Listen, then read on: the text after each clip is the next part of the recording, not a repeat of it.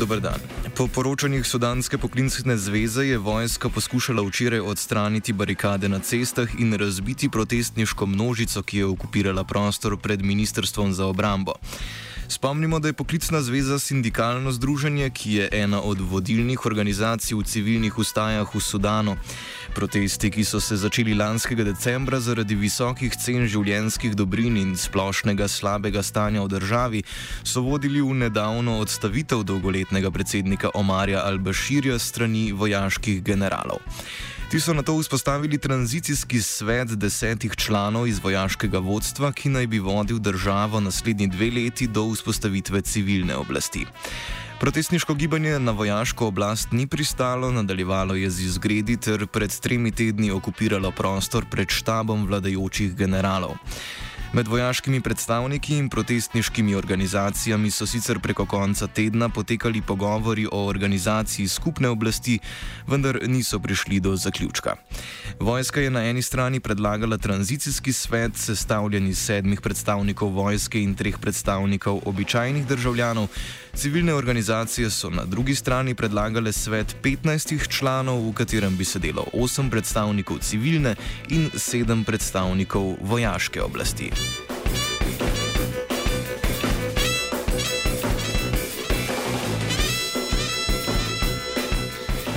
Vojaška oblast je sicer sporočila, da je bilo odprtje nekaterih mostov in cest ter železnice, ki vodi proti vojaškemu štabu, usklajeno s protestniki, vendar pa to pri Sudanski poklicni zvezi zanikajo.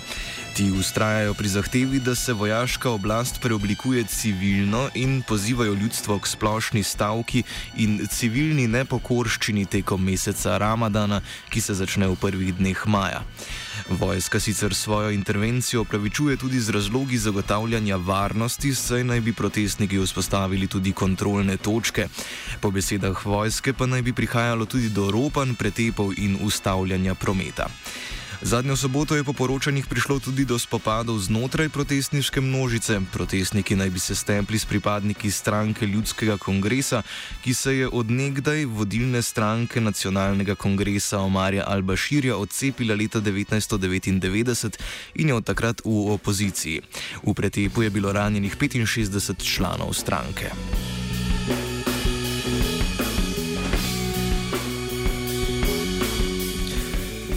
Sodišče Evropske unije je odločilo, da sodni mehanizem Investment Court System ali krajše ICS, ki je vsebovan v medtrgovinskem sporazumu med Kanado in Evropsko unijo, ni v neskladju z evropsko zakonodajo. ICS je preoblikovana različica mehanizma ISDS ali Investor State Dispute Settlement, ki omogoča mednarodnim investitorjem tožbe in poravnave proti državam, za katere menijo, da so bile njihove naložbe oškodovane donosov zaradi nepravične nacionalne zakonodaje. V tokratnem primeru je za mnenje sodišča zaprosila Belgija, več pa pojasni Pia Eberhardt iz organizacije Corporate Europe Observatory. After the massive criticism over CETA, the EU Canada trade deal, and in particular the investor rights in that agreement, the Belgian government asked the European Court of Justice for an opinion on the trade deal. So the specific question was is CETA and in particular the investor privileges in line with EU law? And the European Court of Justice today ruled yes.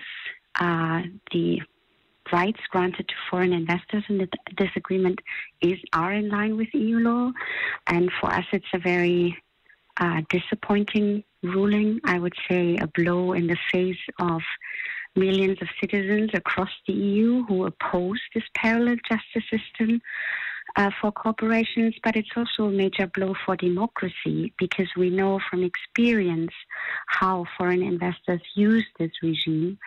Um, and they basically use it to sue governments for a lot of taxpayer money, sometimes billions of euros, um, over environmental regulations, public health decisions.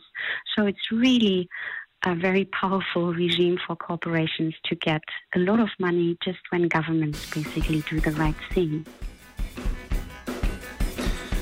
Ob pogajanjih za sprejem prostotrgovinskega sporazuma CETA je civilna družba ostro nasprotovala uvedbi možnosti tožb investitorjem proti državam.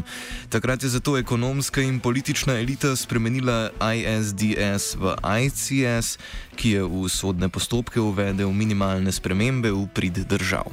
Um, there is a difference between the old ISDS regime and the new so called investment court system or ICS. Because the way the proceedings, uh, so the way lawsuits take place, is different. For example, under ISDS, it is sometimes possible that the public does not even know about a case. Proceedings are secret, there is no publication of any documents. This is one thing that would change under the investment court system, which makes proceeding open to the public and transparent. So you can say um, you find the difference between the regimes is that the way the disputes will happen is better. It has been reformed. Uh, you can say this is good. But on the other hand, it's a little bit like, you know, putting lipstick on a pig. because while the proceedings would be transparent, they would still be the same proceedings, still be corporate lawsuits against, for example, a decision to take a, a toxic chemical off the market. These disputes shouldn't happen at all, and they shouldn't lead to the massive amount of taxpayer compensation that they regularly lead to. So the, the risk for democracy and public health, uh, public interest uh, regulations are more or less the same. They would just look a little bit nicer in, in the disputes. And this is also why we call the new ICS uh, a zombie ISDS or an ISDS wolf in, in sheep clothing, because basically it's the same system. Toliko o trgovini, sedaj pa na Češko, kjer se je več tisoč protestnikov zbralo v Pragi z namenom nasprotovanja imenovanju nove ministrice za pravosodje Marije Benešove. Ta je stolček zasedla potem, ko je odstopil Jan Knežinek, demonstranti pa v njej vidijo osebo, ki bo ovirala sodni postopek, ki teče proti premijeju Andreju Babišu. Nad predsednikom vlade že od začetka mandata visi senca domnevne upletenosti v korupcijski škandal, obtožen je zlorabe sredstev iz skladov EU z namenom protipravne obogatitve. Babiš, drugi najbogatejši mož na češkem, v svojem stilu obtožbe zavrača in v njih vidi neke vrste zaroto.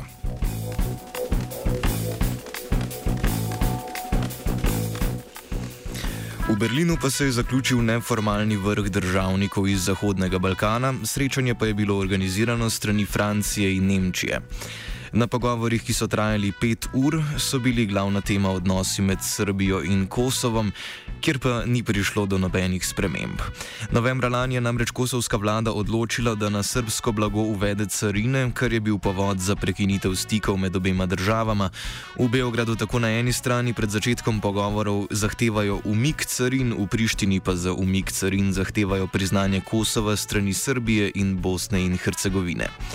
Srečanje, ki sta ga obiskala tudi hrvaški in slovenski predsednik, ni prineslo zaključkov, razen dogovora o ponovnih pogovorih 1. in 2. julija v Parizu.